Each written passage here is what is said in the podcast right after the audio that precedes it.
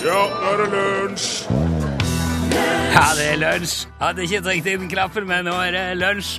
Nå rekker jeg jo ikke å si det jeg skal si, for dette her underlaget var bare så slenge. Er det noe du vil tilføye, Torfinn? Nei, egentlig ikke. Nei, så bare kjøre, kjøre i gang, da. Ja. Det er lunsj.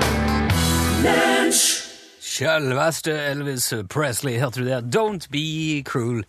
I lunsj i NRK P1, som eh, i dag er bemanna med Torfinn Borkhus der. Hei sann. Og eh, Rune Nilsson er her igjen. Hei, hei. Ja, godt å, Velkommen. Godt å komme hjem igjen. Hjem att til jord.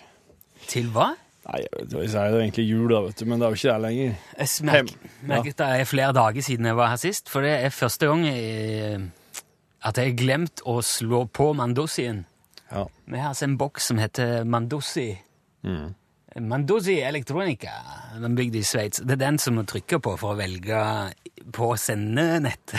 Ja. Det har jeg ikke gjort, derfor var det stille helt i starten i dag. Beklager er, det. det, er det er en skikkelig skummel boks for mange som begynner med radio. Dette her. For det er den du er nødt til å trykke på for å komme deg ut på lufta. Og der kan, du, der kan også i teorien være hva som helst. Også. Ja, P2, P1 pluss Ja.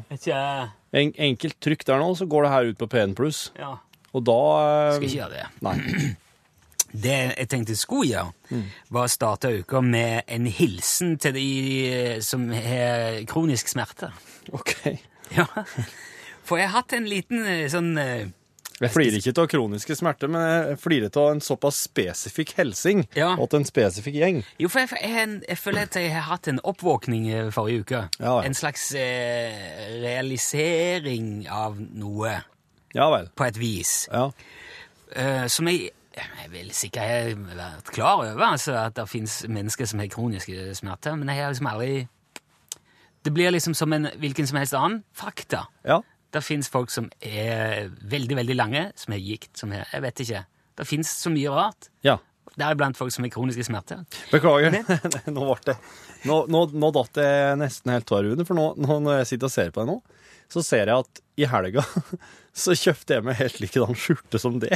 Og jeg, du opp, jeg oppdaga det ikke før nå. Men den er fin, den. Er kjempe... kjem- Var den òg på salg? Ja. Ja, det var kjempe... Jeg fikk tre skjorter for prisen av én. Yes. Yep. Det var det jeg gjorde også. Og jeg har kjøpt akkurat den der. Du kjøpte ikke den hvite òg, uten Nei. krage? Nei, nei. Ja, det kan jeg kan ta med. Wow, altså. Det der må vi synkronisere fremover nå, hvis vi skal ut på noe. Men nå, nå vil jeg gjerne tilbake til det jeg snakket om. Vær så god, vær så god. Forrige uke så fikk jeg betennelse i skulderen min Ja. av en eller annen grunn. Jeg vet ikke hva. Ble sykemeldt i hvert fall. Og det var jo derfor Are eh, var, her. Veldig glad for det. Tusen takk, Osen, for at uh, du hjelper Torfinn å holde fortet. Jeg vet ikke hva som forårsaker den betennelsen, men det gjorde vanvittig vondt. Ja. Det var helt sånn det, Ja, det det var verre enn det meste jeg har vært med på før, faktisk, tror jeg. Ja. Det var ikke mulig å sove. Jeg klarte ikke kle på meg uten hjelp av, eh, av kona. Kunne ikke pusse tennene til jentungen. Og de første dagene og så reiste hun vekk i tillegg, da. Så jeg var ganske sånn hjelp. Men jeg er veldig snille og flinke unger, da. Så de eh, hjalp meg. Men det var, jo- det var jo helt hjelpeløst, altså. Og så var jeg jo da til min fremragende fastlege, Ja. min venn Torkel, han skrev jo ut noen piller, da, noen smertestillende og noen betennelsesdempende greier. Ja. Og så sa han eh, når han er sjukmeldt, får du bare sitte helt i ro i noen dager, Ja. og så la dette her eh, roe seg ned. Uh, og, og så gjorde jeg det. Og det gjorde jo at da, da fikk jeg sove, og så begynte det liksom å dempe seg litt, og i løpet av helga så slapp det igjen. Ja. Så nå, nå er det helt eh, Nå er det opp, Ja. kan jeg vinke og gjøre hva jeg vil. Det er, Ja. liksom, det er liksom vekk igjen. Ja, så nå har du lov til å bruke den hånda som vanlig igjen? Lov. Av legen, tenker jeg. Eller ja, ja, det har jeg ikke spurt om, men han virker jo igjen. Okay. Så jeg tenkte at ok, hvis det virker, så. Mm. må det vel være mulig å bruke det. Eh, men Og det er jo fantastisk det der når det går over. Det er, det er det, det er det beste av alt med å være sjuk. Ja. Det er å bli frisk igjen. Ja. Men i løpet av uka så har jeg jo tenkt på Lurer på hvordan det hadde vært å ha hatt det sånn hele veien. Altså at det ikke gikk over, at det aldri slapp. Og så har jeg tenkt veldig mye på min gode venn Rolf. Han er kronisk smertepasient. ja vel, ja. Ja. Han har, vondt hver dag. Skal ikke gå i detalj om det, men han er likevel altså han er en av de mest optimistiske og gledesspredende menneskene jeg vet om. Ja. Likevel. Han ønsker alltid eh, en strålende dag til alle på Facebook. Eh, han setter mer pris på en god kopp kaffe eller et hyggelig besøk og en pelden soloppgang enn de fleste andre jeg kjenner. Ja. Og så avslutter han ofte disse glade meldingene sine med å skrive 'heldige meg'. Ja. Og jeg må si, hvis jeg hadde hatt, hatt det sånn hver dag, som det var forrige uke, så hadde jeg ikke Jeg hadde ikke hatt det veldig travelt med å kalle meg heldig. Nei. Tror jeg ikke, altså. Nei. Jeg syns veldig synd på meg sjøl forrige uke. Ja. Å, det var mye stønning. Når far blir sjuk, da er det veldig sjukt, vet du. Eh, men det gjør jo altså Rolf, da. Hvis han er på vei til sykehuset for mer behandling, så skriver han hvor heldig han er som får kyss av en god venn. På vei hjem så skriver han at jeg er heldig, nå rekker jeg andre omgang i fotballkampen. Og jeg har funnet ut da, i dag at en av tre i Norge rammes av kroniske smerter. Det defineres som smerter som varer i tre til seks måneder eller lenger. da. Og noen kan jo få en viss hjelp av medisiner, men det er jo ikke, man må jo være forsiktig med det. Det er jo farlig å drive og ta medisin hele veien. Og det vil si at de aller, aller fleste må lære seg å leve med at det er vondt. Når du står opp, så er det vondt. Kanskje du ikke får sove, for det er vondt, det er vondt, det er vondt, det er vondt, det er vondt hele veien. Og ifølge Foreningen for kroniske smertepasienter så er positiv innstilling en forutsetning for å eh, mestre smerte. da. OK. Ja, og etter å ha prøvd det en liten uke, så føler jeg derfor et sånn, jeg har bare sånn akutt behov for å hilse til alle de som går rundt og har vondt hver dag, og likevel er positive. For det, må, det er en eh, bragd altså, i seg sjøl. Og dere har alle sammen en selvskreven, helt ny plass på min liste over hverdagshelter etter forrige uke. Hadde jeg hatt et glass med noe dyrt og godt i her nå, så skulle jeg utbrakt en skål og sagt 'stå på, jeg heier på dere', respekt.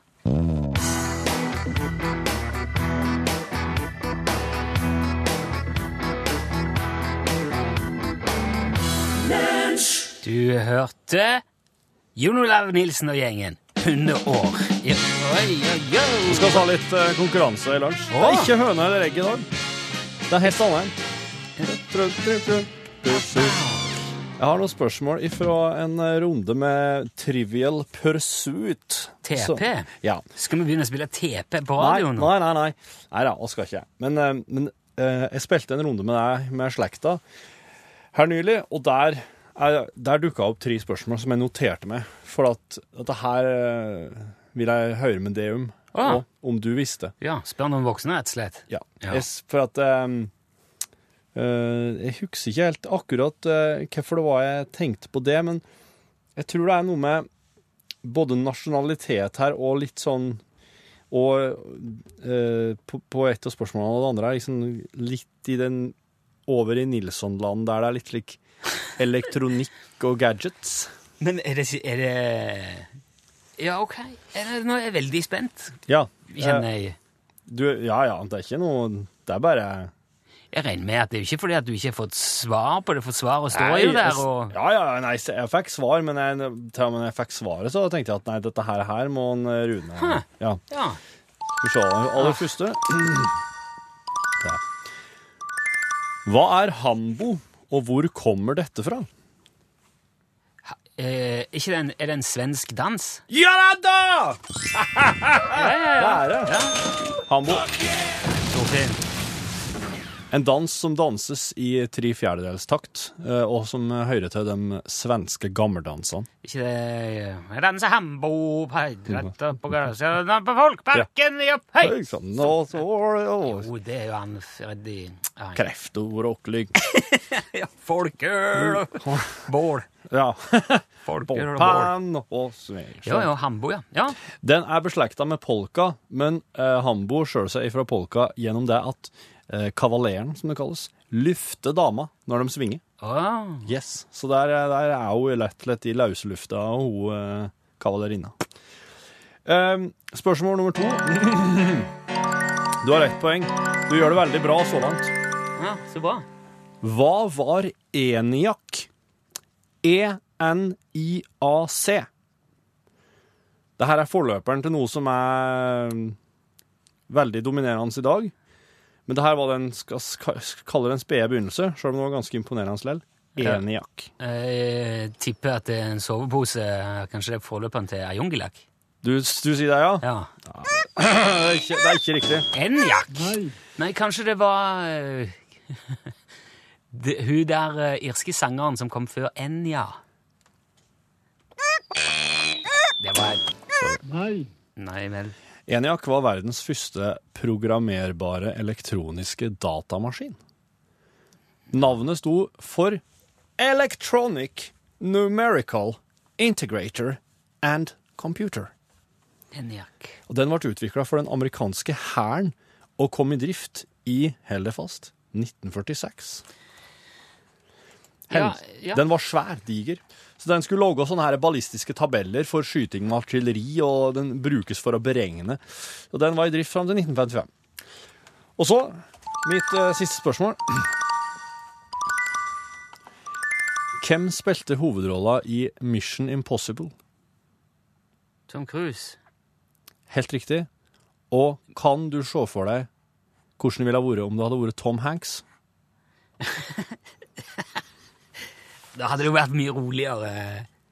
Da hadde det vært mer sånn eh, Ja, da hadde det vel vært som Da hadde Det løst seg med følelser, tror jeg. Ja, nei, men uh, Prate om ting. Ikke sett uh, åh, Redd mener Dan, Dan Brown, vet du. Engler og demoner. Ja, også den andre. Mona Lisa. Da Vinci-koden. Da Vinci-koden, ja. Der er han jo litt sånn Men han, han hadde jo vært akademiker, han hadde jo hatt en helt Ja. annen sånn tilnærming til det. Ja, han hadde hatt en helt, helt annen stil. Så um, du har, du har, jo, du har, jo, tri, du har jo to til tre rette, du. Jeg synes det er så rart at du Hva var det som fikk deg til å tenke at det, dette her måtte du spørre meg, jo? Det ene er jo eh, svensk. Jeg vet jo at du har jo en svensk i det. Det andre er jo at det her er jo verdens første datamaskin. Du elsker jo datamaskiner. Ok. Og det tredje var um, Det var bare jeg, jeg visste jo at du kom til å vite at det var Tom Cruise som hadde hovedrolla, Ja. men jeg var bare interessert i å høre hvordan du ville ha sett for deg en uh, Mission Impossible med Tom Hanks i stedet. Det er jo, det er jo to De heter jo Tom, begge to. Tom, Tom og Tom, ja. Og de er jo Tom Hollywoods Berenger, han kunne jo vært i Ja, han er ikke Tom Berenger kunne faktisk vært i begge. Ja. Han er kanskje ei blanding mellom dem to. Det vi òg kan trekke ut av dette, her, at hodet ditt òg virker på en helt spesiell måte. Absolutt. Det er jeg veldig glad for. Du eh, hørte her Sia, altså, og eh, låten heter Chandelier. Jeg tenkte på det nå at det, det hadde vært gøy hvis det var to artister som het Sia. Ja. Og så, da kunne jeg si ja, hvem er det? Er det hun australske? Eller så, så kunne jeg si nei, det er hun andre sida. Lunsj, radiogram 73, 88, 14, 80 Ja, der skjer stadig ting. Ja, ja, ja, ja, ja, ja. Det er mange som har tanker og meninger og historier, Og så har de telefon. og ikke minst Endelig er det mandag, og nok en gang fokus på læring. Grønnsaker ser ut til å gjøre et nytt inntog blant det norske folk, og vi har valgt å ta en nærmere titt på selleri av typen stang. Stangselleri er en kjekk og sprø fyr med mye frisk smak, og stangselleri passer derfor ypperlig som snacks med dipp, og for å tilføre smak og sprøhet til salater, samt i den klassiske cocktailen Bloody Mary. Stangselleri inneholder selvfølgelig kalorier, som de fleste andre grønnsaker. Men kroppen vår bruker mer energi på å fordøye den enn den klarer å trekke ut selv. Dermed så kan du komme i den paradoksale situasjonen hvor du spiser og spiser stangselleri. Ja, du kan regelrett stappe det i deg, men hvis det er alt du eter, vil du selv på full mage sulte i hjel. Radiogrammet takker for seg og vil ønske deg en god mandag! Hei! Den! Det er en av de best, mest fyldige stangselleri-gjennomgangene vi har hatt i lunsj så langt. Snart så slipper oss å skrive ting sjøl, dette programmet her. Det blir- Bare sitte og fyre av radiogram. Det blir en dag. Ja. Det, vi, jeg vet at vi har fortalt før at stangselleri er kalorinegativ. Ja. Du bruker mer energi på å fordøye den enn du får av den. Yep. Interessant. Hei, hei, Rune. Dere snakket om hvem eh, man ligner på. Jeg syns ikke du ligner på han Sutherland. Jeg syns du ligner mer på han uh, Fester Adams fra Adams Family. Ja. Ha en fin dag. Ja, takk for det. Den, eh, det har jeg hørt før. Fester Adams. Det er han, er det han som jeg kaller Er det han jeg kaller Munken i Adams Family? Ja. Ja. Han, Det er det. ja, han, ja. Ja. Du er jo ikke så mørk under øynene, da. Nei, jeg var det før. Da du hadde litt dårligere kosthold. Ja. Eller ikke hva det var. Det var kanskje det, eller Nei, var det noe annet. Kjære vene. Ja vel, takk for det. Det var greit. Vi går Hei, det er Tore i ringer fra Arendal. Hei. Og det er litt viktig å få med seg at jeg ringer fra Arendal, for dette har noe med dialekt å gjøre. En eh, kamerat av meg hadde en nabo som er opprinnelig kommer fra Nord-Norge, men han har jo bodd her i en godt og vel 20 år. Og en dag som han hadde besøk eh, nordfra, da, så sto kameraten min eh, på utsida og hørte på, på de liksom diskuterte litt på utsida, da, og så sier han som bor her at jeg har, jeg har noen problemer, sa han. for vet ikke hva jeg skal gjøre med den plenen, for det er så mye måse i den. Så sier han som var på besøk, hva farken, skyt han for helvete, skyt han.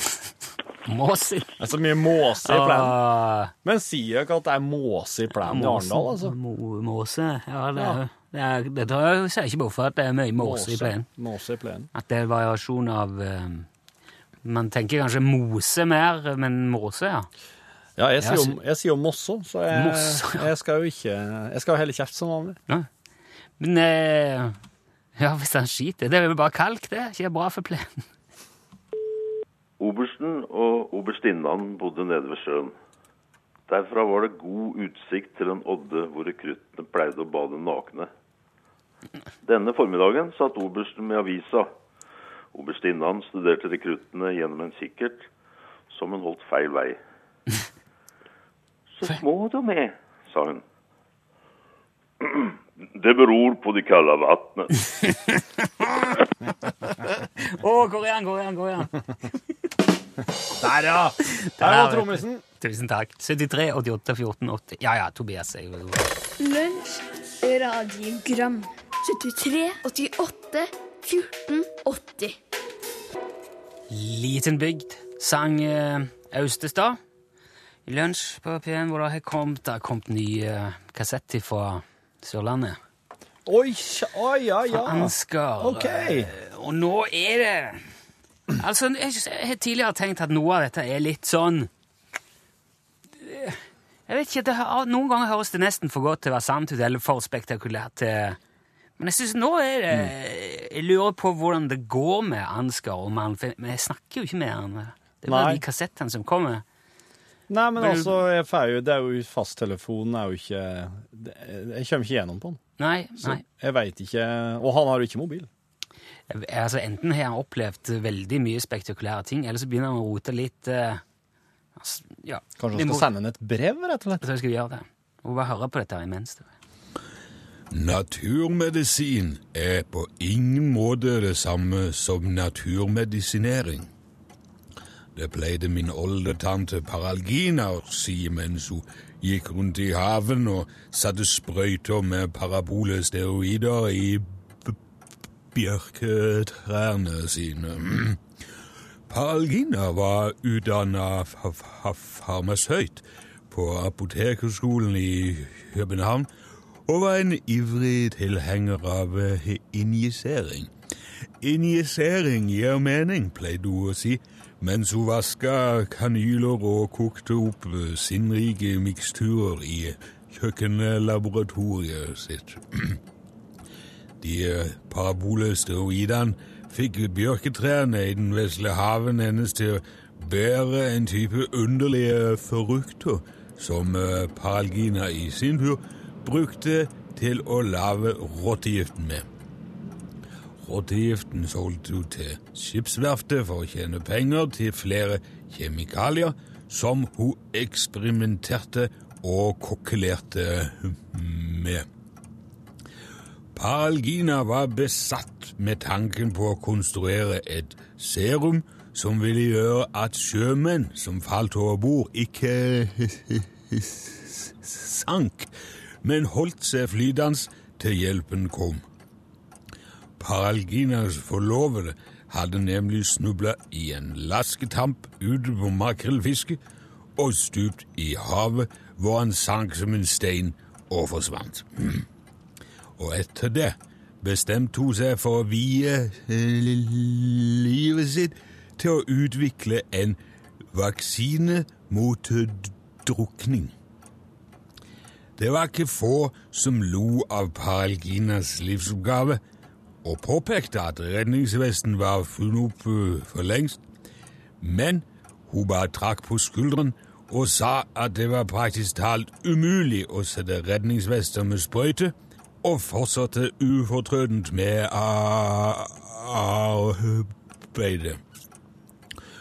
Og som så mange andre forskere og pionerer opplevde og Paralgina både framgang og tilbakeslag. En gang fikk hun en av naboens katt til å flyte som en dupp i nesten en time, før han plutselig ble sjølysende som mannevond og måtte adopteres bort til en tyrkisk trollmann som tilfeldigvis lå til kai den dagen. En annen gang trodde hun at hun hadde fått ei rotte til å flyte i nesten ei uke, før det viste seg at dyret faktisk satt på ei lita steinhelle som bare lå rett under vannflata. Det var først da Palgina hadde passert 90 år at hun fikk gjennombruddet i flytevaksinen sin. Da klarte hun å fremstille en mikstur som utvikla hydrogen da han kom i kontakt med vann, og demonstrerte at ei rotte som fikk injisert vaksinen, ble blåst opp og fløyt som en kork da han ble kasta på fjorden. For å vise at vaksinen var ufarlig, injiserte Palgina seg sjøl og hoppa på fjorden, noe som førte til at hun este opp som en ballong, steg opp i lufta og dreiv inn på verftet, hvor hun traff ei blåselampe og eksploderte i et flammehav. Mm. Og det tror jeg nok vi alle sammen kan tenke litt over og muligens lære noe av.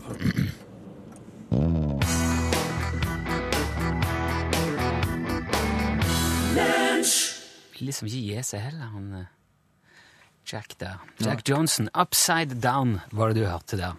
Han var liksom Nei, spille litt Kose seg, vet du. Kan ikke slutte. Det er noen som er slik. Det er jo sånn gjorde de ikke før. Da feida de. Ja, Fort. for da, da var det jo før i tida så var jo alle musikerne skikkelig ivrige på å spille så mye som mulig. Ja. Og da måtte du bare fade låta på et tidspunkt. Ja, men de betalte timepris i studio. Ja. da var det bare å spille ut den timen. ja. Bruke. Så var det slutt, liksom. Ja. Brian May. Queen. Ja, Queen, ja, riktig. Guitar player in Absolutt. for henholdsvis, ja. Ja, for Queen. Um, og dyrevernsaktivist. Å ja. Mm. ja. Det var jeg ikke klar over. Og astrofysiker. Det var jeg i hvert fall ikke klar over. Nei. Brian May. Han studerte fysikk og matematikk ved Imperial College i London fra 1970 til 1974. Eh, Og i 74 så begynte han også på en eh, doktorgrad i reflektert lys fra interplanetarisk støv. Og doktorgrad i støvs hastighet i solsystemet. Ja, så det, Det finnes støv uti der, vet du. Ja. Stjernestøv, rett og slett. Stjernestøv. Det kunne fort vært ei Aslak Dørum-låt, men Ja. det er det ikke. Eh, men eh, Queen ble jo veldig populær. Ja, På et tidspunkt. Det må være lov å si, ja. 1974 for å være kanskje Det var i hvert fall det var i hvert fall da de begynte å få sånn internasjonal suksess i 74, og da måtte Brian, Brian May eh, Og så kaller han Brian. Hei, rett og slett bare mm, Skal vi ikke være dus? Han måtte bare gi opp doktorgradsstudiene sine. Han rakk å være medskribent på et par vitenskapelige forskningsartikler der i 72 og 73, og så måtte han bare gi seg i 74 og- bare spille gitar. I, i verdens største rock'n'roll-band kanskje på den tida, Queen. Så, eh, for, så en snodig kombinasjon. Mm. Det er ikke sånn uh... Nei, jeg vet ikke Altså, hva som er vanlig å kombinere med rock'n'roll-gitarisme. da. Nei, men ofte, ofte så er jo uh, matematikk og liksom veldig sånn teoretisk ikke, Det er ikke nødvendigvis det du forbinder først og fremst med musikk, da. Nei, Jeg vet ikke hvordan det er med han derre er ikke Det finnes vel ikke noen regel for det, men jeg har inntrykk av at det, det er to ting som ikke går veldig nødvendigvis godt i hop. Det er sånne frie Men kanskje han er litt sånn matematisk musiker òg, da? Han Kim Tail, gitaristen i Soundgarden, nå er jo noe slik. Oh, ja. Noe sånn, eh, Jeg er ikke sikker på om han er matematiker, men han er veldig sånn smart. Ja, Har teknisk noe, eh, har noe eh, doktorgradsavhandlinger og slik på nakken. Men iallfall, i oktober 2006, da tar Brian May opp igjen doktorgradstråden. Oh, ja! Ja. Ved Imperial College, 32 år etter at Queen tok fokus, og leverer avhandlinga si i august 2007. Ett år tidligere enn han hadde regna med å gjøre seg ferdig. Og ble uteksaminert av Imperial College i, eh, under en prisutdeling i Royal Albert Hall den 14. mai 2008. Så nå er han doktor i stjernestøv? Jepp, han er doktor i stjernestøv og noe sånn derre zodiak... Eh, eh, nei, zodiakallys. Noen spesielle lysfenomen på himmelen som strekker seg langs zodiaken. Og han er medforfatter på ei bok som heter Bang! The Complete History of the Universe. Og ei bok fra 2012 som heter The Cosmic Tourist. Og um, han har ei asteroide oppkalt etter seg, som heter asteroide 52665 Brian May, i ett ord. Kjære folk. Og ja, nå må vi spille ei låt som Brian May har skrevet, og som han synger på sjøl. Oi, men det er ei Queen-låt? Det er Queen-låta Long Away fra A Day at the Races-plata. Her spiller han gitar og synger sjøl. Og så er det trommisen Roger Taylor som synger de høyeste tonene. Okay. Og Freddie Mercury stemmer sjøl. Han har bare noe koring her og der. Ok, så her er det astrofysikeren som står i fokus. Yep. Queen, Long Away.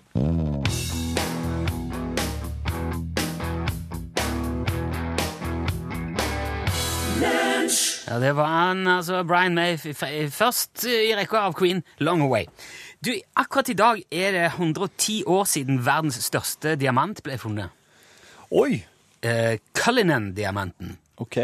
Det var eh, kaptein Frederick Wells som fant den i Premier Mine utenfor Pretoria i Sør-Afrika. Jaha. 26. januar 1905. En, en, en brite som fant den?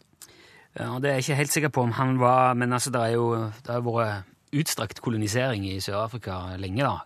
Nå har jeg ikke sjekka akkurat de tingene. Da regner jeg med at det var en sørafrikaner som grov den opp og, og, og ga den i hendene på han. da. Eller en boer, eller hva det kunne vært hva som Ja, helst. Ja. ja. Jeg, eh, ja, han virker kanskje litt uh, britisk, han der. ja. Det er jeg ikke helt sikker på. Men der, der, britene kom inn i dette etter hvert, skal du se. Å ja. Så du, den der, Uh, den der forbindelsen til Storbritannia, den ble veldig tydelig her. Du kan jo ikke la noen andre land ha verdiene sine i fred. Nei, for all del. Eh, han der, eh, captain Frederick Wells, han var inspektør. Han var superintendent i Ja. den her Premier Mine, utenfor Pretoria, altså. Og den 26. januar i 1905 så gikk han en runde i gruva, og så så han noe som blinka litt sånn i, i veggen i gruvesjakt. Jaha. Tenkte at det der er en bit med glass, eller det er noe som noen har bare puttet inn der for å være artig. Ja. Eh, Så han fikk lirka den ut eh, av fjellet med kniven sin, den her tingen. Jaha. Og det var en svær klump oh. som han sendte til undersøkelse. Eh, han veide faktisk 621,35 gram. Ja. Det viste seg å være en diamant på over 3000 kvadrat. Kvadrat? Karat, heter det. Ja, ja, ja. ja.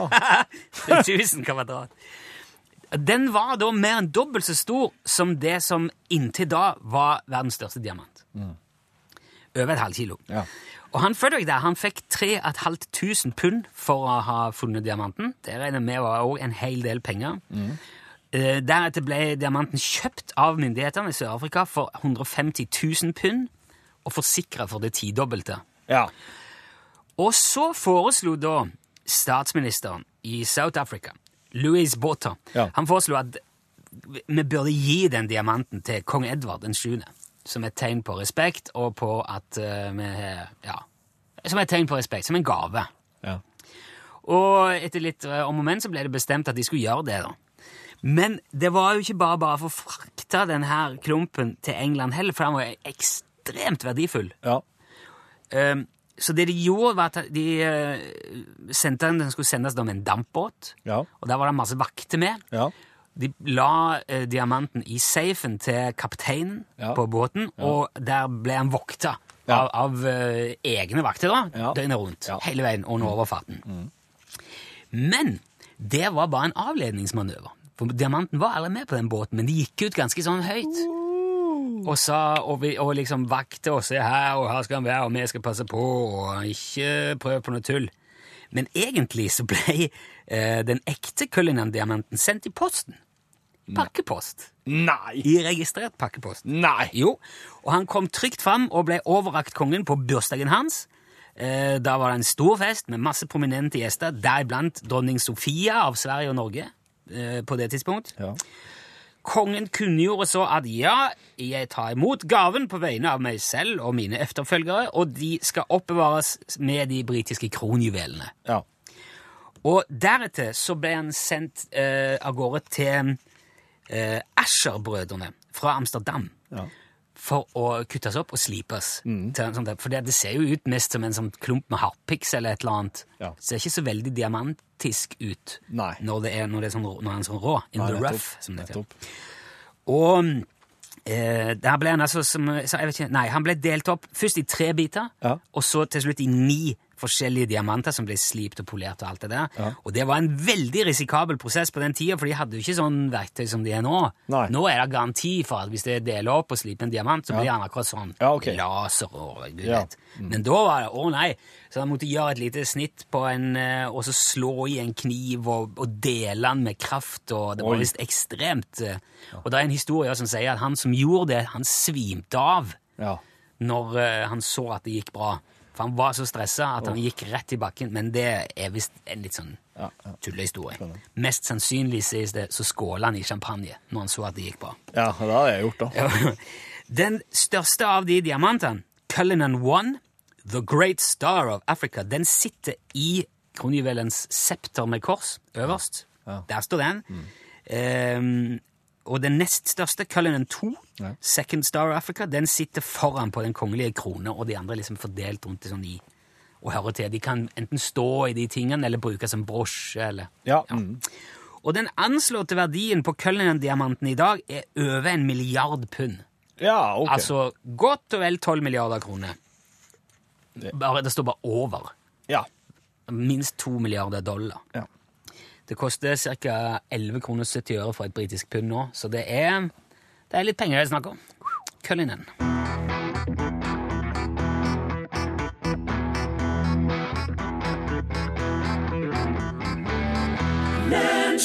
Dette her er altså en kardinalsyn å stoppe hele fortellingen midt i oppvasken når fru Johnsen tar oppgjøret med eh, voktere for høy moral. Men jeg regner med at de fleste har hørt historien før. Eh, Vi er nødt til å stoppe nå, for det er norgesklasse sin eh, tur til å ta over her. Pål Plassen er allerede i studio. Stemmer det? Liten test her nå. Hvem er den dama her? Det er jo hun uh... Har ingen anelse. Nei. Gunda Vigeså. er det Ja, det? det er fiskeriminister Elisabeth Aspaker. Hvem er han her? Eh, nei, jeg har ingen anelse. Han er jo Å, det er han i Luksusfellen. Nei. Det er um, EU-minister Vidar Helgesen. Eller Er statsråd han norsk. EU-minister? Ja, eller statsråd ved statsministerens kontor. Er de omtrent like ubrukelige begge to, eller? Eh, Torfinn, du er ingen politisk kommentator, og det vet du. Nei. Men tre av fire vet ikke hvem kunnskapsministeren er. Eh, altså Torbjørn Røe Isaksen. Det, det var på Det nyheten i dag tidlig. det visste jeg. det visste. Så i dag så skal vi ut og ta en liten ministerquiz på de oss møte, om de egentlig vet hvem eh, de forskjellige er i regjeringa. Kan ikke ta med et bilde av Torfinn òg samtidig? Dere to har tapt på forhånd. Her er en annen Vidar, nemlig Eidar. Ja, der sa han et sant ord. Da er det i gang her nå. Shit, Pat. Hvordan går det? Det går bra. det går bra. Hvordan går det med deg? Jo. Nei, det begynner å ligne noe nå.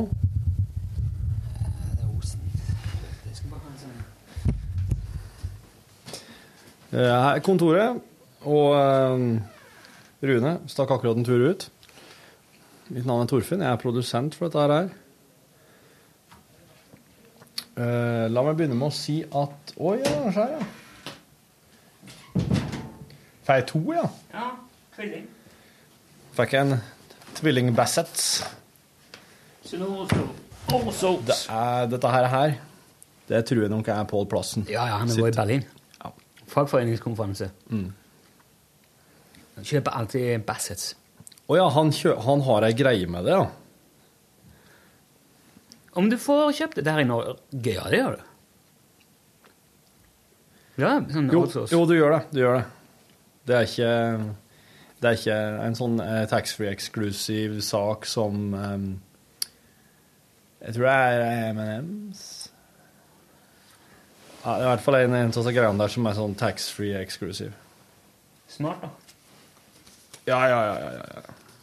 For da tenker folk at det må kjøpe, for deg, så er folk her i utlandet. Nei, sant. Hvor i utlandet, ja. Ja, ja. Ja, det er jo eh, det er en del å det er en del å forholde til seg for han eh, fagforeningsmannen Pål Plassen om dagen, for nå er det jo eh, nå er det jo nedbemanning på eh, alle bauger og fronter her. Her på huset her oss sitt, så er det vel på tre forskjellige plasser det er snakk om at det skal nedbemannes. Ja. Så det er virkelig Det har kommet litt tettere innpå enn eh, enn det har brukt å være før, egentlig. Til nå så har det vel egentlig bare vært naturlig avgang og så ansettelsesstopp i NRK. Men nå er det vel eh, første gangen jeg kan huske at det faktisk skjer reelle At det er sånn at folk, folk må gå. Jo, men det er jo ikke penger nok. Nei. Så det er liksom det, Jeg syns det er litt rart. Det er litt vrient, det der. For det, hva skal vi gjøre? Du kan jo ikke Du kan ikke ha flere folk ansatt enn du har råd til å betale. Nei, det er, sånn en, er det jo bare. Det er en enkel regel. Det er veldig, altså, som, for, som en forretningsmodell så kan du ikke krangle på den. Jeg, jeg er et litt mer sånn eh, Jeg har et litt pragmatisk eh, syn på det der, egentlig. Men NRK som forretningsmodell er jo også en slags uh, selvmotsigelse. Ja, for, forretningsmodell er jo et nesten litt rart ord å bruke på det. Ja. Men jeg har, jeg har jobba i eh, kommersielle kanaler og jobba på liksom eh, engasjement og kontrakt og, Mm. og flere ganger fått beskjed om at ja, trenger vi ikke deg mer. Nei. Hei, hei. Ja. Og da, da um, Så vet jeg at man lander Jeg har i hvert fall alltid landa på beina på et eller annet vis. Ja. Jo flere bein du har å stå på, jo enklere er det jo å lande på ett av de, Mm. kan du si, da. Ja. Men det, det, det er jo veldig kjipt for folk som kanskje har hatt en, en jobb i 20-30 år, plutselig står med med fare for å ikke ha den lenger. Mm. Det er jo leit, men samtidig så skjønner jo at, det, må, at det, det, det er jo sånn det er. Det er veldig sterke politiske krefter som vil ha redusere på NRK. Ja. Sørge for at vi får mindre penger inn til I kassa, ja. Mm. Den store kassa. Den uh, Men han skrev jo, Tor Gjermund, sjefen vår, at uh... Kringkastingssjefen. Ja. Altså, det er mange som har påpekt Jeg tror eh, det var noen som påpekte at eh, Norge er den dyreste NRK-lisensen i Europa. Nei, dyreste. Altså TV-lisensen i Europa. Ja. Kanskje i verden òg, jeg vet ikke. Men vi har jo det dyreste av egentlig det aller meste da, i verden. Ja. Så det skulle nesten bare mangle at ikke TV-lisensen òg var blant de dyreste. Jeg var, ikke, Altså, alt- jeg var ikke klar over at eh, det fantes TV-lisens i så veldig mange andre land, egentlig. Jo, jo, mange andre som har Som har lignende ordning. Ja. Ok. eh, Det er kanskje bare i at, at i andre land så står ikke allmennkringkasteren så sterkt alltid. Nei, NRK BBC er en- står jo fjellstøtt da i eh, England, ja, for så. Men de er vel nå Der er det vel ikke lisens på den måten. Der lurer på om det er mer eh, en budsjettpost eller Jeg tror ikke folk får egen lisens. Jeg husker ikke helt. Det er mange som har gått vekk fra det. Ja. De feier, de fra statsbudsjettet i stedet for. Ja. Mm. Det som er farlig med det, er at da er det så fort gjort å kutte i det. Ja. Hvis NRK hadde vært finansiert på statsbudsjettet nå, Mm. og Frp og Høyre liksom kom til makta, Mm. som virkelig ikke liker NRK veldig mange, da, Carl I. Hagen sånn, kalte det ARK, Ja. Arbeiderpartiets rikskringkasting, eller noe. Ja. Det har vært mye venstrefolk i NRK opp igjennom. Det er jo ikke så ille nå. Men eh, da hadde jo de bare kutta det da, Mm. i budsjettet. Mm. Men jeg, er veldig inhabil, merker jeg jo. Men jeg syns at NRK, eller allmennkringkasteren, er en veldig, veldig god idé. Ja. Fordi eh, det gjør at det blir lagd sånne ting som ikke nødvendigvis bare drevet av penger. Vi hadde aldri fått lov til å lage det her programmet på den tida på døgnet i en annen i en kommersiell, i P4. Nei. Nei, kanskje ikke. Vi hadde eh, neppe tatt sjansen på det. Og, Ja, nei. og hvis vi skulle lagd et program på dagtid i P4, to stykker, så måtte vi i hvert fall ha tre timers sending. Ja. Sannsynligvis. Mm. Og det, det som hadde kommet an på om vi fikk fortsette, det var hvor mye folk som hørte på, og hvor mye annonser det var mulig å selge der. Mm. Så det, akkurat hvordan programmet lå til, det ble liksom underordna. Ja. Eller hvor det inneholder. Ja. Og det vet jeg veldig mye om, for jeg har jobba med det før i en annen kommersiell kanal. Og det, det, det dreier seg jo først og fremst om hvor mye folk kan du dra inn, og hva slags triks kan du bruke for å få dem inn. Mm. Hva kan vi snakke om? Og hvor lite folk er det an å lage det med? Ja. Hvilke låter er det som får folk til å skru på, og hvilke får de til å skru av? Så det er rett og slett en mattestykke, bare. Ja. I mye større grad enn Mens her får Men vi jo slik, slik må jo de ha det. Ja, for at folk skal lytte. Så, så, så hvis du syns det der er idiotisk, så er det på en måte Da skyldes det at det er fordi at folk er idiotiske. De vil ha det slik og slik og slik når de skal høre på radio. Og ergo så er det slik det må logges. Ja, ja. Ikke si idioter, men det er, det Jo, mange jeg tror det er idioter idiotisk som er, som er rett navn på Nå, noen eh, Men altså, jeg merker at jeg blir, pla, jeg blir plaga av reklame. Ja. Det, det plager meg, liksom. Hvis du ikke blir plaga av reklame, så er du, da er du heldig. Da, Ja, det er du, da har du noen skikkelig gode, gode filtre, altså. Ja. Som du bare Wow. Da er det bare å sette i gang 20-paringa. Få på noen flere unger. De, de, de må formere seg. Jeg sitter litt TV nå eh, forrige uke da jeg var hjemme. Ja. Jeg merker det blir mindre og mindre TV-seing. Det blir mer sånn, ser det vi skal se når vi har tid og når vi har lyst til å se det. Da er det ofte nett, eh, altså streaming eller Netflix eller NRK ja, på Apple TV eller ja. Mm. Men eh, så jeg sitter litt på sånn skattejegeren, sånn porn, Mm. porn stars, og det syns jeg er artig, de som reiser rundt og finner gamle ting i USA. Ja. Og da er det jo veldig mye reklame. Jesus, jeg vil i hvert fall to eller tre pauser i løpet av en halvtimes program. Mm. Og det er det samme hele veien. Og det verste er jo at de koordinerer det, alle de her kommersielle kanalene. Ja. Det går ikke an å skru over på en annen kanal. Nei. Nei. Ja, Hvis det skal være reklame, så skal vi ha det overalt. Det der må jo være en slags Det er en sammensvergelse. sammensvergelse. Ja. Ja, ja. det er, det Sikkert er, ulovlig. Det er heslig. Men det er jo forferdelig Det er, det er jo samtidig veldig godt da, at det, det, det, går, det går så mye drit på TV som er helt uinteressant å se på. Ja. Sånn at eh, egentlig behovet for å se TV blir mindre og mindre, eh, samtidig som det blir mer og mer eh, eller altså mer og mer reklame. Det har sikkert vært en ganske jevn mengde reklame nå i de siste årene, vil jeg tro. Og jeg er jo kjempeglad for at ungene liker Netflix og NRK Super-appen og sånn, for at eh, da de kan, de kan få se Da ja, lar jeg dem gladelig få se mye mer på det enn når de sitter og ser på f.eks.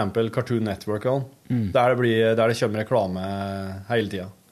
Jeg har mye bedre samvittighet for å la dem bare sitte litt lenger og se på rene serier. ja. Ren TV, ja. Mm. Jeg er enig i det. Du, i går I går, ja. da var jeg på Leos lekeland. Ja. for første gang. Som uh, følge for uh, mine unger som var i en uh, jobbursdag der. det var litt av en plass, altså. Ja, der er det opplegget. Ja.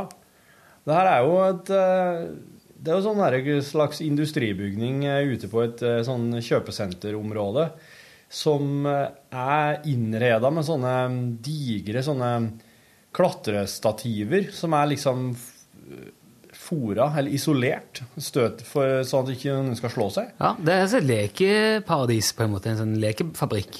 Så er det sånne netting, sånn, sånn nylonnettinger som gjør at ikke ungene ramler ned når man klatrer høyt opp og drar og springer, og noe jævla til sklier og trampoliner. Det er liksom en slags jungel da, i flere etasjer. Men det som slo meg var at eh, det er Altså, jeg målte jo jeg målte jo med Decibel-appen på telefonen min. Å ja, gjorde du det? Og det ligger jo på en gode 100 Ja, ja, ok. ja, eh, Som Ja, en blender, da.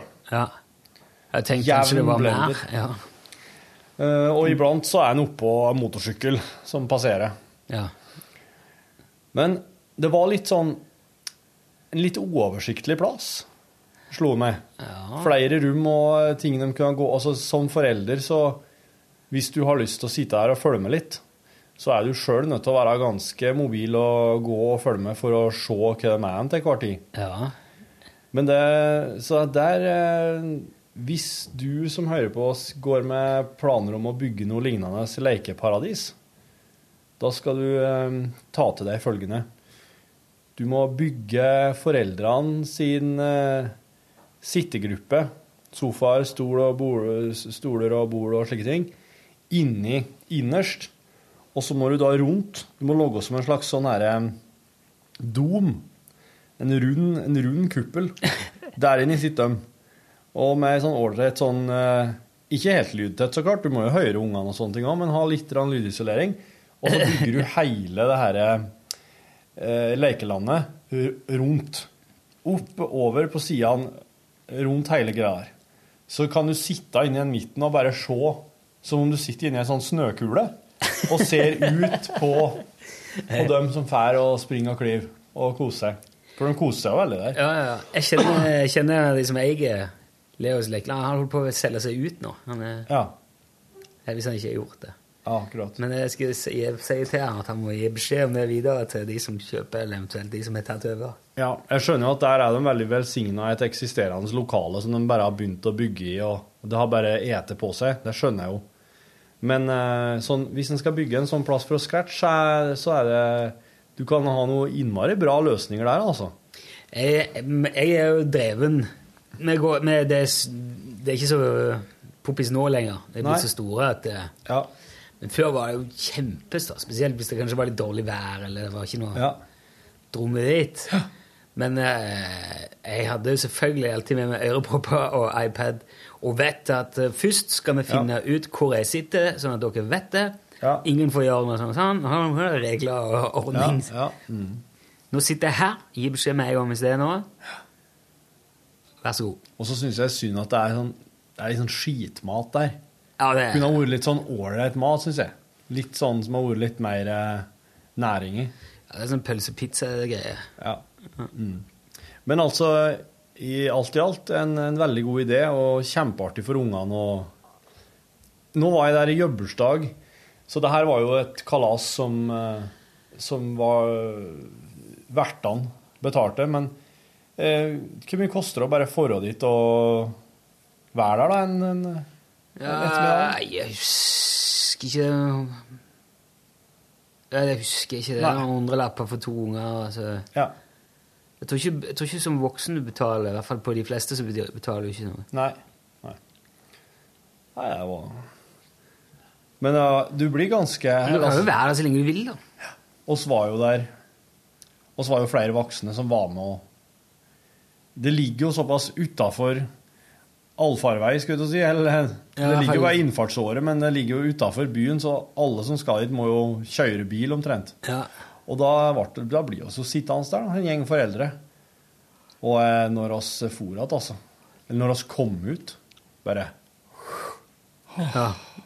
Men det er, en, det der er en plass til som ligger litt lenger eh, oppe, oppe i gata. Å ja. Der er det både gokart og bowling og lekeland. Ja. Oi. Så det er når ungene blir litt eldre, når de skal ha bursdag. Det har vært noen ganger. Kult. Gokart. Hvor gammel må du være for å kjøre den? Du, de, det der Jeg tror ikke det er mer enn Det kan ikke være mer enn ti, i hvert fall. Så kanskje det er enda litt mindre. Jeg husker ikke. Nei, det er notert. Sjur Mikael har sendt oss en e-post der det står 'Podolini Podolski Podcastona'. Oh, det er vel spansk, hvis jeg ikke tar feil. Det vil jeg tro. Eller italiensk. Hei sann! Hei! Hei! Jeg håper de har hatt ei god jul og et godt nyttår til nå. Det har jeg. Da er det nok dialekt. Ja, OK. Ja, vi elsker Fredrik Norum. Det er jo fantastiske historiefortellinger. Jeg har master i tautologi, står det på parentes. Han kommer. Tautologi? Men Sjur Mikael, har du master i tautologi? Nei, det er vel noe Fredrik har skrevet, det er ikke det? Et eller en eller annen sammenheng. Det var noe kjent med det. Jeg husker ikke. Sjur Mikael kan ikke ha en master i tautologi, for du er for ung til å ha en master nå. Det er jeg ganske sikker på. Hva er tautologi? Er ikke, det noe, er ikke dette noe, noe Fredrik har skrevet om før en gang? Skal vi se. Tautologi. Det er En tautologi er noe som er sant fordi det er definert slik.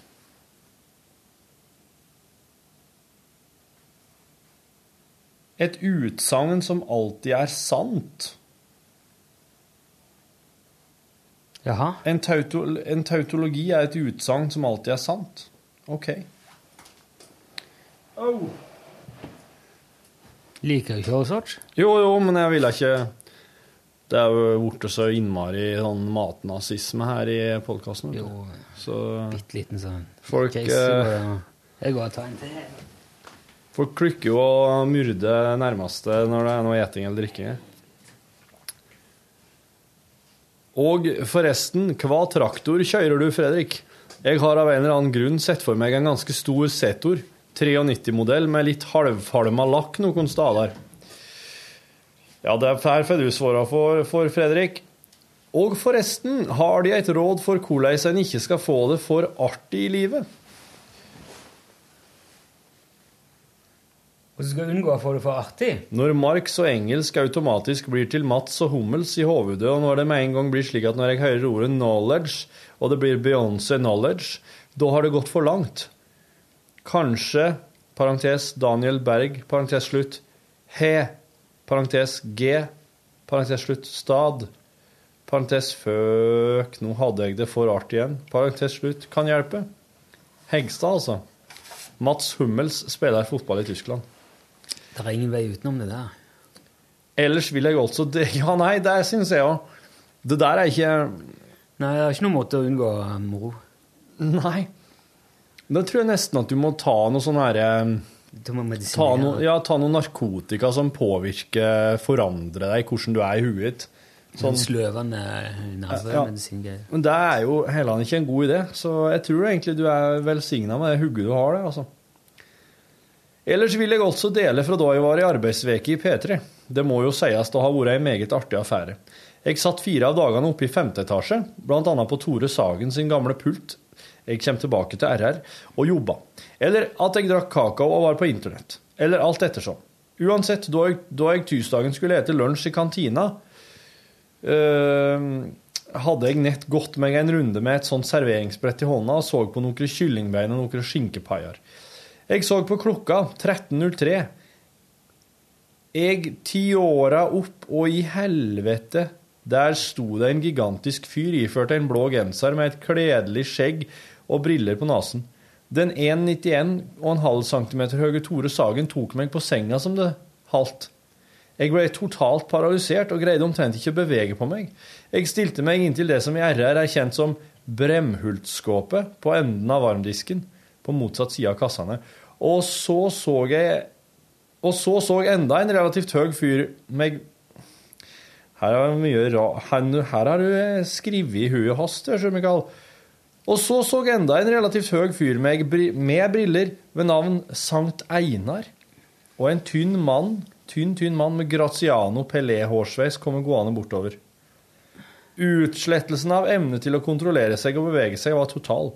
Da jeg hadde fått lessa oppå litt mat, hadde jeg endelig kommet meg såpass at jeg greide å gå bort til salatdisken og servere meg derifra. Da gikk Bjarte forbi meg, og siden jeg var iført ei T-skjorte med en gigantisk logo av både hans og mitt favorittlag innen engelsk fotball, kom han med kommentaren 'fin genser'. Alt jeg kom på, var 'I know'. Det gikk heldigvis bedre dagen etter, da jeg også fikk småprate litt med Steinar og Hanels på Tore.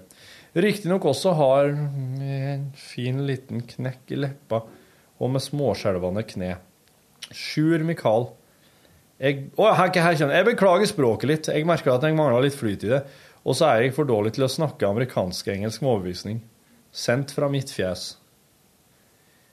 Her beklager jeg, altså. Her klarte jeg ikke å lese, eh, egentlig sånn i, På en sånn måte som det egentlig bør være her i podkastbonusen. Sånn er det av og til. Men jeg skjønner Samtidig så tror jeg at så er det den litt sånn Den skrivinga her eh, harmonerte jo egentlig bra med at han ble eh, rett og slett eh, Skal si at han ble litt stjerneslig av Radioresepsjonen-guttene. Karene. Det skjønner jeg godt. Slik det er, slik det er umulig å Jeg vet ikke, umulig å, å verne seg mot, men det er nå en helt naturlig reaksjon. Jeg, jeg hadde på samme viset flere ganger sjøl, at det blir veldig vanskelig å komme på noe naturlig å si. Det blir liksom bare en slags sjablong på seg sjøl. Hvis du sitter der? Eh, hvor kom denne fra? Ah! Er det der, det? Jeg, jeg har sett den, men jeg trodde det var en spak som skulle justere Etter. Det stikker liksom en sy- sylindrisk eh, ting ut av under på stolen min. Mm. Og så er det noe blått som står 'instruction' på, men det kan jeg ta ut. Så er det liksom en, en liten rull med bruksanvisning til stolen. Det ligger inni en sånn en liten Ja, for det er en del innstillinger på den stolen der. Ja, mye innstillinger på det. Jeg er jo sikker på din òg. Det er liksom en tegneserie, da. Ja. Hvordan du stiller armene opp og ned, ryggen, free float, headrest. Var det noe du ikke visste der? Dybde på setet. Nei, jeg tror jeg er vært trygg på det meste, men jeg syns, han, han er vrien, da. Ja. Og de, er- flere av de spakene er plassert litt sånn rart, syns jeg. Ja. Are stolen hadde satt han i fri nå, mens jeg var vekke. ja. Og det syns jeg er litt Og da kommer du også. ja. Men hver gang så jeg husker ikke hvorfor det er, og hvordan jeg for jeg kan dra ned, eller du kan sette, låse den. Men jeg husker aldri, men det er på andre siden. Jeg fant det til slutt. du, Så du kan låse innstillingene på stolen? Låse, nei, han kan stå i fri, da er det sånn du kan legge den bak. Ja, ja, ja. ja. Eller så kan du låse den sånn at den står fast. Det er nesten som en gyngestol når han står i fri. da. Sånn recli- recliner. Ja, ja, ja, ja. Det kommer ikke opp sånn til beina. Nei. Men du skulle jo nesten hatt en, en, noe som på en måte var lås. At du nesten kunne ha satt inn nøkkelen og 'Her skal jeg ha den'. Så låser hun for all Framtid. Ja, eller altså for um, Du låser den slik at ingen andre kan komme hvis de ikke har nøkkel, og forandre det. Jeg har veldig lyst på sånn som jeg har i bilen, for der kan jeg ha sånn prissett. Ja. Så jeg bare trykker på knapp, og så, bzzz, så det stiller det seg sånn som jeg vil ha det. Ja. Men det er jo liksom eh, først en kjekk ting hvis at, du har, hvis at du er minst to med veldig forskjellig innstilling som bruker bilen. da. Ja, det er nesten bortkasta, for det- kona og meg er akkurat samme. Ja. Vi kjører, sitter akkurat likt til å kjøre. Ja. Når jeg er liten, så jeg vil gjerne sitte høyt og Ja. relativt oppreist. Jeg sitter ikke sånn klin oppi, men Mm. jeg liker å sitte, ha litt sånn våken Broren min ligger og kjører. Mm. Lillebror. Jeg har, eh, jeg har noen biler som jeg ikke kan Det er noen biler som jeg ikke kan kjøre, eller omtrent ikke være passasjer i, for at eh, jeg er for høy. Ja.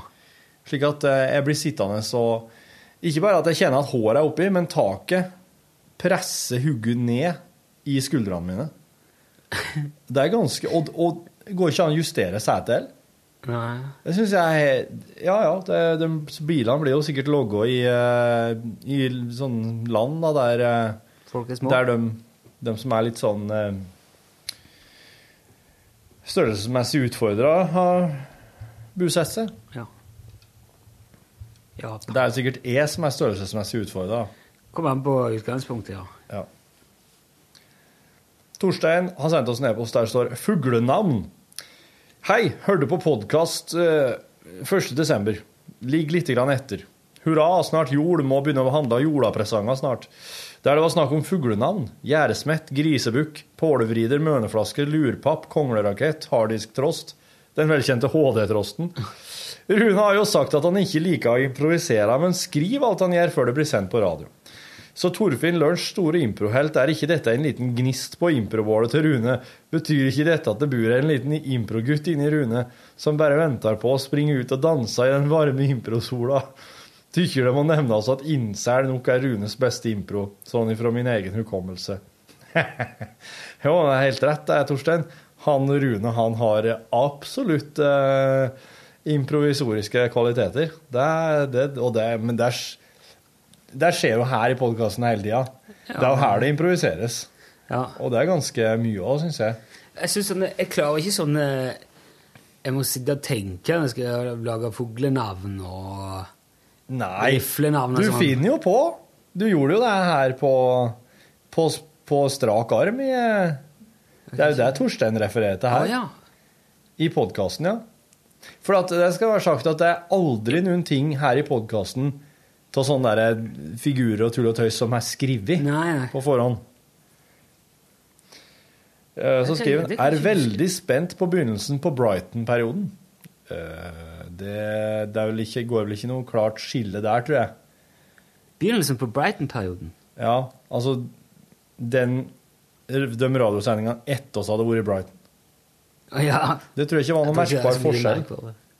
Kanskje litt bedre humør på generelt. Folk involvert Det kan i apparatet. Hva med at Lunsj sine assosierte medarbeidere møtes? Remington Ståhl skyter fugl som kokken kan lage, mat, lage til mat som Johannes Lagård kan ete på tavernaen, til Mogens transportert av UTS med Charles Feiling som kaptein på skuta. Jesus.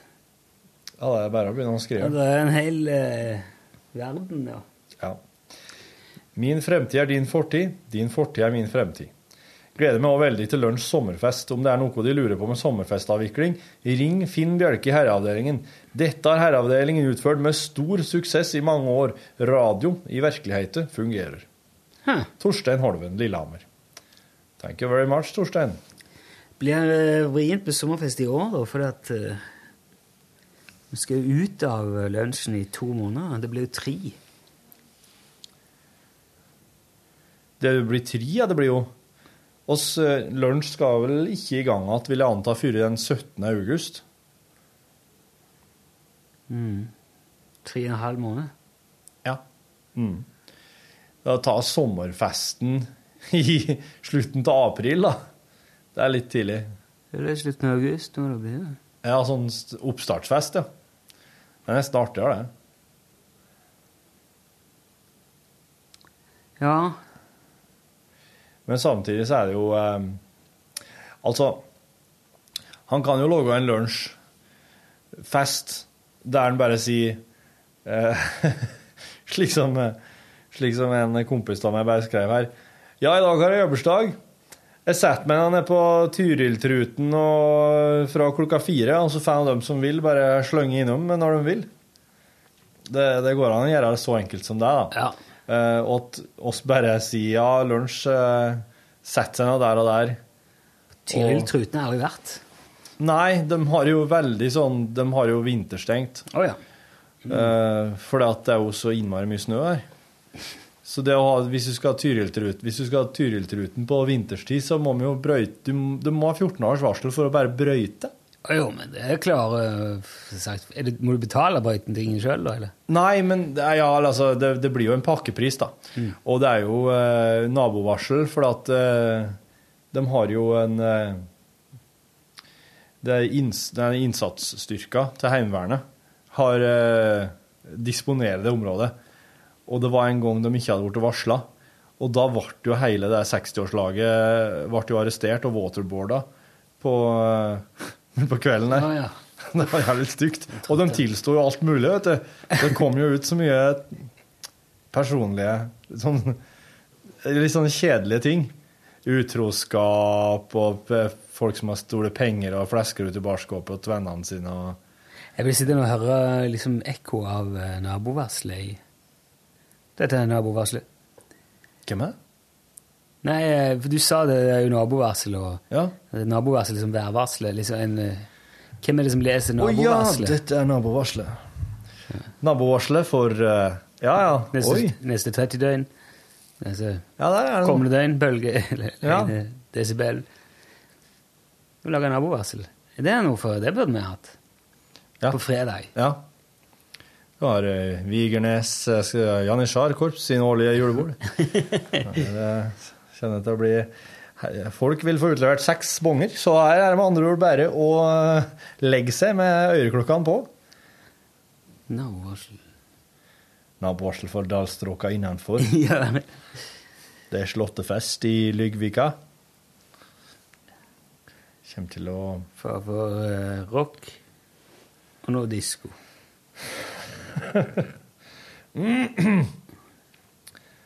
Eh,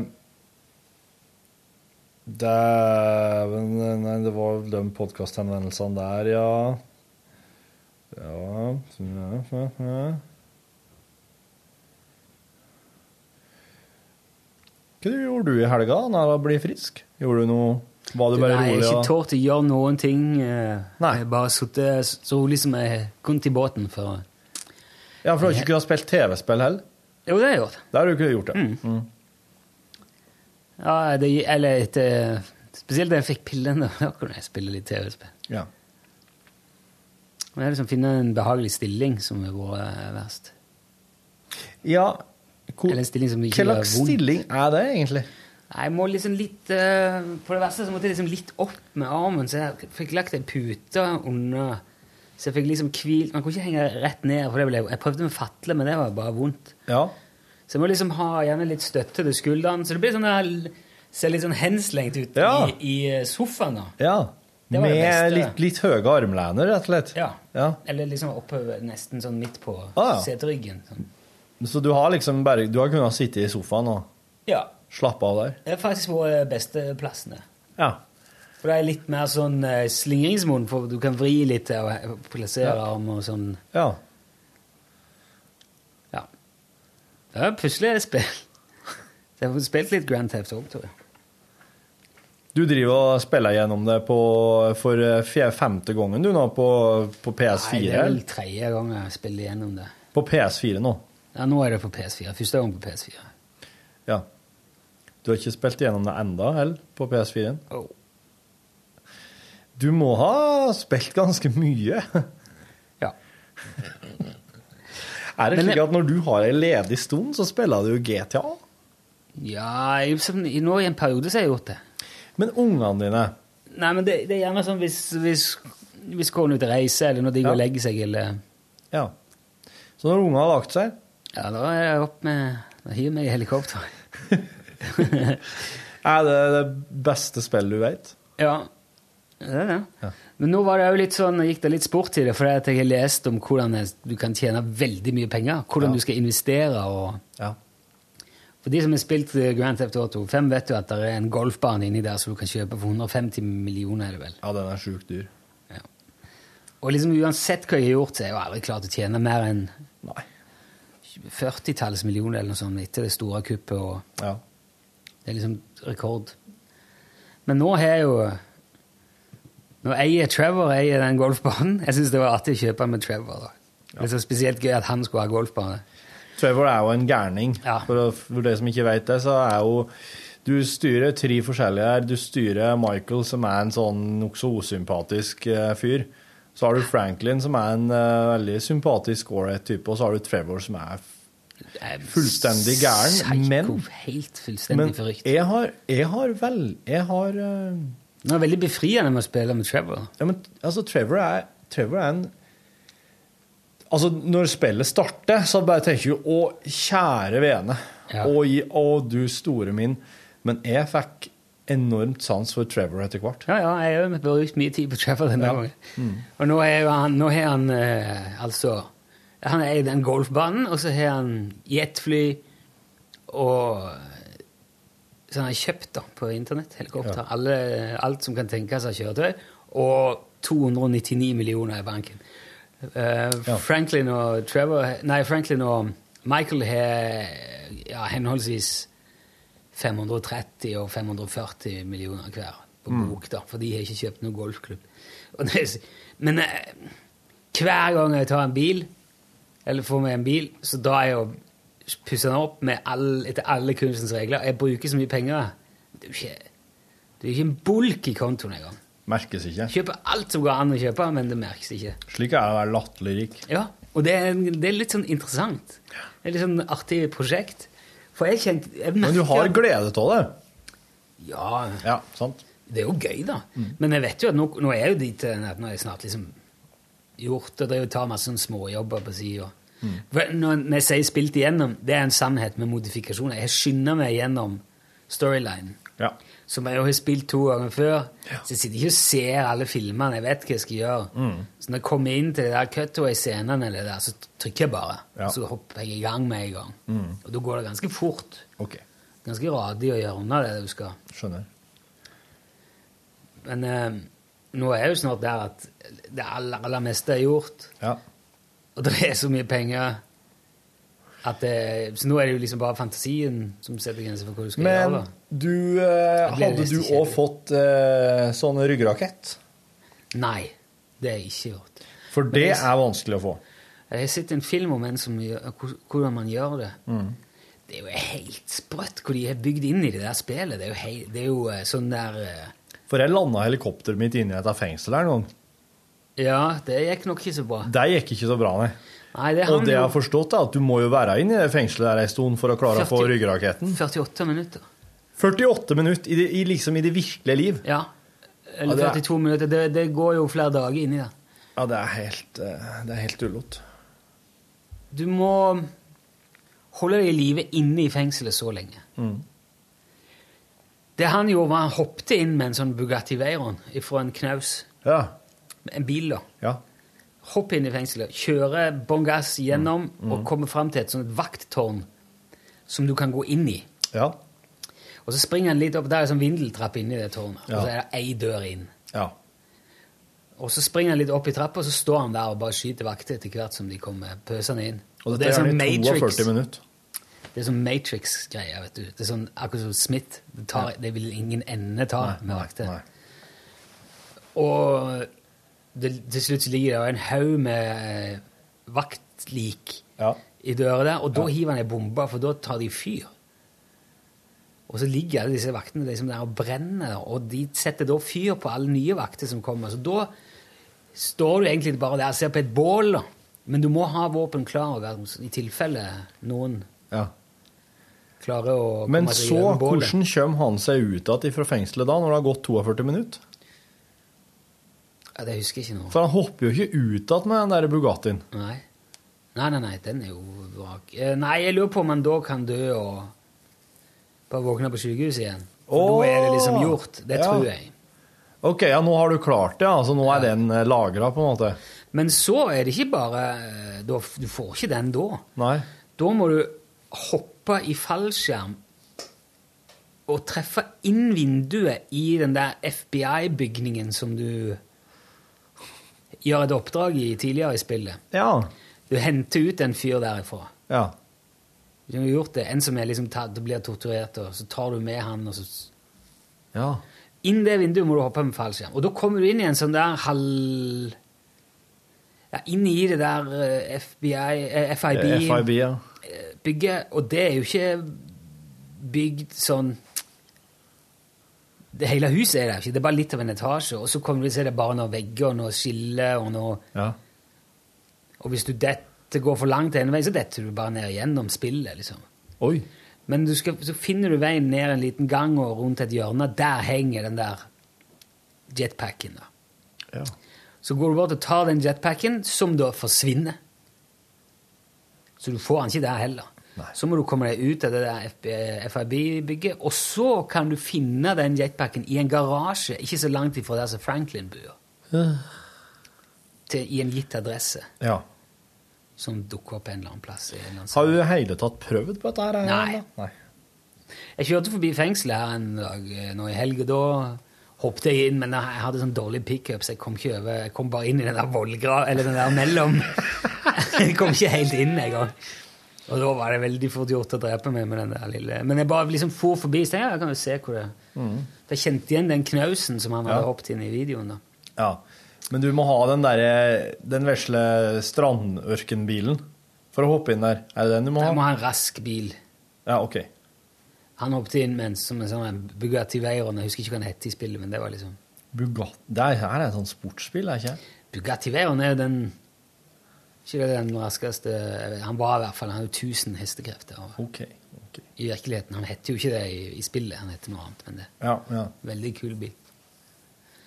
Eh, Jeg har jo men hos, hos, at, altså det som jeg syns er jo veldig merkelig, er hvordan i all verden han har klart å finne ut dette her. Det er der jeg For det tenker òg. Hva er det slags syke greier som gjør at folk står For at denne her tror jeg, Det der tror jeg er ganske sånn nyoppdaga, hvis ikke det er tull, da. Men han jo, han filmer jo av i spillet, du får se han får den jetpacken. Ja. Og den jetpacken henger jo igjen fra San Andreas. Der Ja. var det jetpack. Ja. Mm.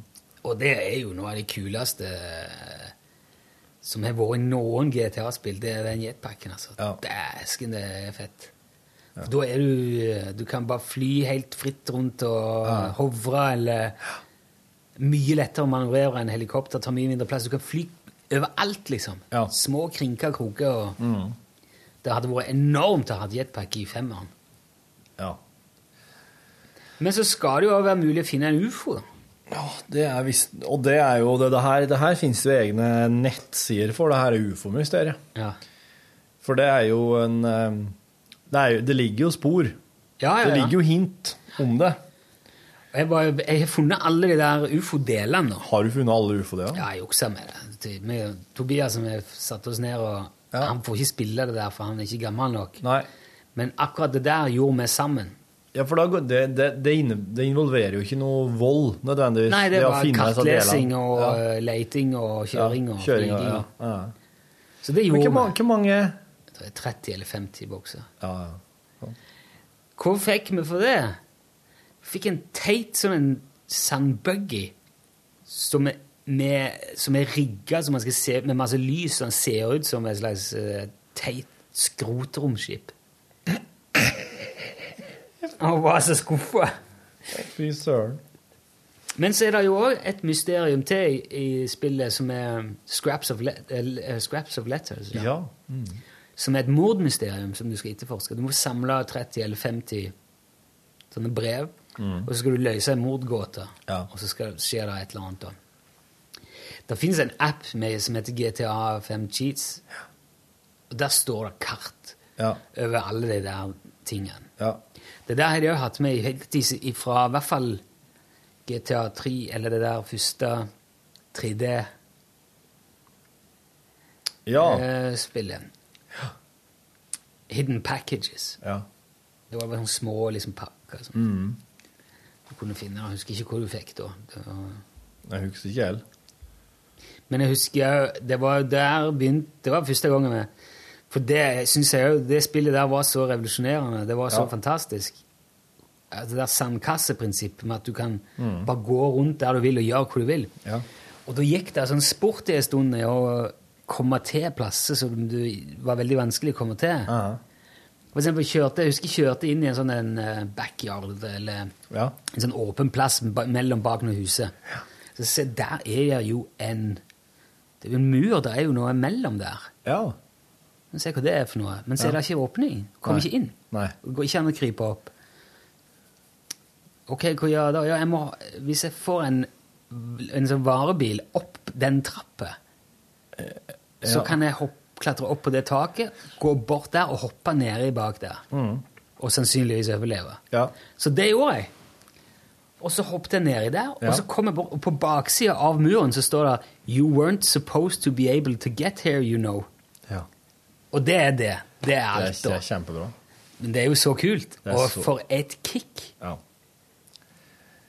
Det, det hadde vært artig å være flugge på veggen og være med og sett på hvordan de utvikler disse her områdene og bygge opp og, og ned på deta detaljnivåene her. ja, ja.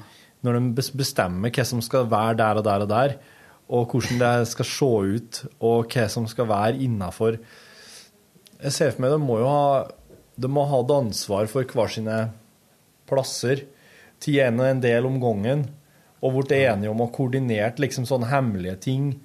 Sånne små brevbiter, Ja. ufo-deler. Easter eggs. jeg Ja. kaller det. Mm. Ja, det er masse sånne Det står sånne små beskjeder, kanskje oppå toppen av bruspenn. Mm. Og eh, på sånne syke, syke plasser som det, Ja. ikke, som det er helt ulogisk at du skal Har du vært i um, fire? Har Ja. du spilt fire? Har du vært inne i Frihetsgudinnen og sett hjertet? Nei. Nei. Hvis du, eh, hvis du For der er jo, det er jo Liberty City, da. Mm. Hvis du klarer å komme deg i en flymaskin eller helikopter eller et eller annet og hoppe ut av det sånn at du lander på et det er liksom øverste platået av Ja. sokkelen til Frihetsgudinna. Mm. Statue of Liberty, Okay. så, kan du, så er det fire er det vel dører, Mm. som alle er jo Det er ikke dører, det går ikke an å åpne, men den ene kan du bare gå rett igjennom. Da kommer du inn i Frihetsgudinna, og så kikker du opp. Der henger hjertet til Frihetsgudinna i kjettinger og slår. Dum-dum, Å, herre min. Midt inni der. Å, fytti kan du klatre opp og se på. Det høres nesten skummelt ut. Det er veldig kult. Så den døra er den, det er ei dør Du får ikke åpne den, men du Tre kan de- gå gjennom den. Tre av de er bare som å gå rett på veggen, men den og, fjerde ja. smetter du bare gjennom, som, Ja, ja, ok. as, som i Harry Potter på, på Ja, ja. På togstasjonen. Ja. Og så er det en stie inni der. Så, ja.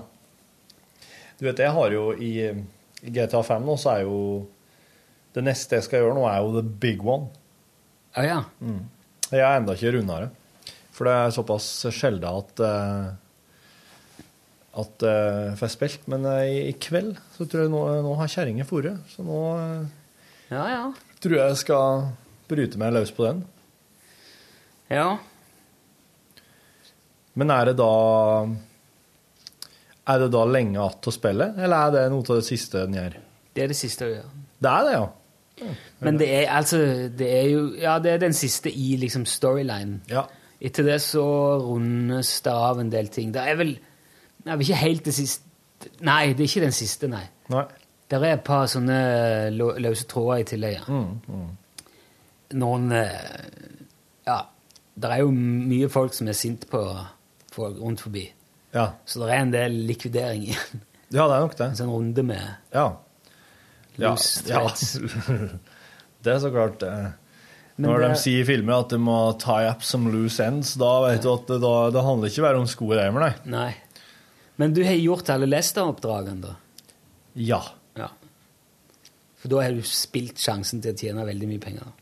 Ja, vet du, oss faktisk eh, oss var faktisk eh, klar over det der og var inne og handla Aksjer. Ja, i, i forkant. Men altså hvordan i alle dager du kan klare å få så mye penger som det du skisserte der Ja, du, du kan få en milliard til hver. Men Lester-oppdragene Lester-oppdragene Du må jo ha Du må jo bygge opp litt kapital i forkant der for å kunne ha noe å sette inn. Ja, du må gjøre the big one. Ja, du må gjøre the big one, og så Lester-oppdragene. Ja. Ja, så klart. Slik, vet du. For da har du startkapital. Da har du startkapital, ja. Og så, når du da um, tar oppdrag, så er det de fleste oppdragene sånn, da, kan du, da får du tips om aksjer etterpå. Mm. Så går du inn og så kjøper du for alt du har med alle tre karakterene Mm. i det selskapet. Og så følger du med til det steget Altså må være på hele veien. Ja. Det blir mye sånn saver, Ja. for da går det åtte timer, seks eller åtte timer i spillet. Ja. Sjekke aksjekursen, save, sjekke aksjekursen, save. Og så fant jeg en plass der det sto omtrent når en pike da, i verden. Ja, ja, ja. Mm, du kan Hvis du klarer å utnytte det maks, så kan du tjene 1,4 milliarder til hver av de Ja. eh, av karakterer. Men det, da, det er veldig sånn nøyaktig. ja. Og nå har jeg altså dratt inn en halv milliard til hver, og det er jo ikke sjans til å bruke det opp på noen til du kjøpte en golfbane, så er det jo gjort. Ja. Så, men det er vel en slags tilfredsstillelse i å få det til. da. Det er jo mye sånn, For det spillet er så mye mer enn bare spillet. Det er som alle de der småtingene du kan Ja. Jeg har jo vært rundt med ubåten og samla alt. Ja, du har samla alle disse radioaktive greiene? Ja, og, og alle skrapbitene etter han som drukna i en annen ubåt. Og, Ja. Og du har tid der òg, ja? ja. Steike. Så jeg kjørte opp i innsjøen med som dykkebåt og vært nede i flyet som Trevor styrte. Ja. Det er jo ikke så veldig mye å hente. Litt våpen. ja. Men hva fikk du for å samle alle disse radioaktive gjenstandene? Ja, hva, ja, hva var det? det? Nei, det er penger. Det, det er noen tusen for hver tønne. 3000 eller Ja. kanskje det mer. Ja. Jo, den, eh, sønnen og jeg drev og holdt på med ubåtgreier, så. Det er litt sånn Det er litt sånn meditativt, nesten. Ja, noen av tingene der er jo veldig meditativt. Det er jo veldig artig for ungene å være med på. For det er jo eh, det er Så lenge det, du ikke springer rundt og skyter folk i hodet eh, inne på et eh, kjøpesenter, så, så er det jo mye i GTA som er artig å være med på for en seksåring òg. Ja, ja, ja. Og så ser det jo så fantastisk lekkert ut. Og vet du hva? Jeg så en uh, sånn Old People React to. Ja. Det er en haug med eldre amerikanere som fikk spille GTA på PlayStation 4. Mm. Fikk bare forklart ingenting, bare sånn Det her er basicen. Og så ble de eh, Michael ut forbi huset sitt satt i gang. Og så klarte de jo etter en del år med å komme seg inn i bilen. De klipper mellom flere, da. Det er fem-seks stykker. Klarer å komme seg litt ned i, og så finner de våpenet. Og det som var, da var det virkelig det løsna. Da, da skulle du sett de der gamle amerikanerne begynte å skyte folk. Å, sier du det, ja? Å ja, der gikk løs. Ok, ja. Det var liksom Da ble det vei i vellinga. og flere av sa at det var jo veldig artig, og de kunne ikke tenke seg at folk gjorde det fordi om de hadde spilt det. Det er jo så stor forskjell på fantasi og virkelighet. Ja. Jeg er enig. Men de syntes jo det så fantastisk ut, og at det var veldig artig. Da. Ja, ja, ja. Jo, men altså iblant du, er, du krasjer med bilen, og OK, ja, nei, da var det billøpet Da gikk den, den sjansen. Da er det veldig fristende å bare flekke fram bazookaen og bare fyre den rett inn i en eller annen husvegg eller et eller annet. Ja, ja. Bare for at du kan. Jeg har gjort det mange ganger. Et eller annet, og blåse til himmels. Og få tak i en sånn psykovåpen som er en sånn magnetstyrt eh, Eller magnetdrevet fusjonsgreie. Du må jo teste det. Ja. Og alt som treffer, eksploderer er så helt infernalsk. Ja. ja. Jeg gleder meg til å Jeg skal gå på jakt med den i dag, kanskje. Spørs om du skal slett gå på litt hjortejakt med den. Jeg kan være med.